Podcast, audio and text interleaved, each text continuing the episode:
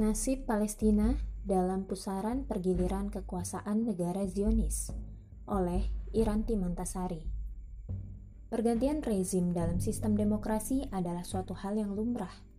Mengganti sosok dari satu rezim ke rezim berikutnya merupakan kewajaran, bahkan di dalam beberapa kondisi dapat menjadi indikator keberhasilan demokrasi di negara tersebut.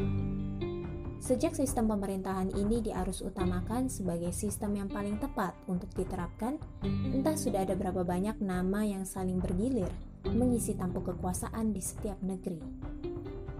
Namun demikian, sebagai umat Muhammad Shallallahu Alaihi Wasallam yang risalahnya meninggalkan seberkas pusaka yang membuat kita tidak akan tersesat selama berpegang teguh dengannya, penting untuk menyorot bagaimana posisi pergiliran kekuasaan itu terhadap kemaslahatan umat Islam di dalamnya. Faktanya, berbagai contoh pergiliran kekuasaan di dunia dalam cengkraman peradaban barat ternyata menunjukkan pengaruh yang tidak signifikan terhadap isu kaum muslimin. Malah dalam banyak kasus justru merugikan umat Islam dan kepentingannya. Sebut saja kasus pembatalan kekuasaan FIS partai politik Islam yang ada di Aljazair pada tahun 1990-an dulu Partai yang secara demokratis memenangkan pemilu ini malah digagalkan kemenangannya oleh Barat karena haluan partai yang nyata tidak begitu memihak Barat.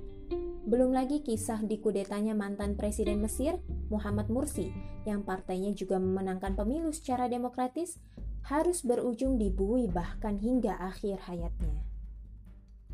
Beberapa kisah pahit dalam pergiliran kekuasaan Muslim tersebut menjadi penepis harapan bahwa ada kebaikan di baliknya. Begitupun dengan apa yang terjadi di Israel baru-baru ini, dilansir dari Al Jazeera, Naftali Bennett yang kini menjabat sebagai Perdana Menteri Israel menggantikan Benjamin Netanyahu akan menjalankan manuver yang lebih dahsyat terkait pendudukan ilegal Israel di Palestina. Hal ini bahkan sudah langsung terbukti ketika Israel menyerang kembali Gaza ketika Bennett belum genap sepekan berkuasa. Bennett yang akhirnya menggeser kekuasaan Netanyahu setelah 12 tahun bercokol di singgasana Israel ini bahkan berkoalisi dengan partai Arab yang ada di Knesset atau parlemen Israel. Tentu saja fakta ini bukanlah hal yang aneh di mana partai sekuler, bahkan yang nyata menunjukkan permusuhan terhadap umat Islam, bisa bergandengan dengan partai Arab yang notabene merupakan etnis mayoritas di Palestina. Melalui tragedi tersebut dapat ditarik benang merah bahwa masalah yang masih hinggap di Palestina bukan sekedar masalah siapa rezim yang berkuasa di Israel. Siapa pun yang memangku kuasa di negara Zionis akan tetap menjalankan agenda yang sama, terkait nafsu mereka menjajah Palestina.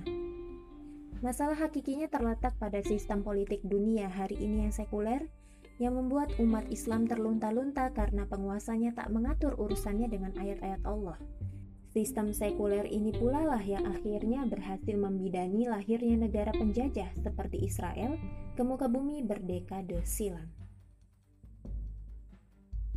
Eksistensi penjajahan Israel atas Palestina dalam sistem global yang sekuler ini juga akhirnya melahirkan penguasa negeri-negeri Islam yang hanya pandai beretorika. Mereka yang mendorong perundingan dan langkah damai dalam menanggapi isu Palestina-Israel sejatinya tak memahami seperti apa inti masalahnya.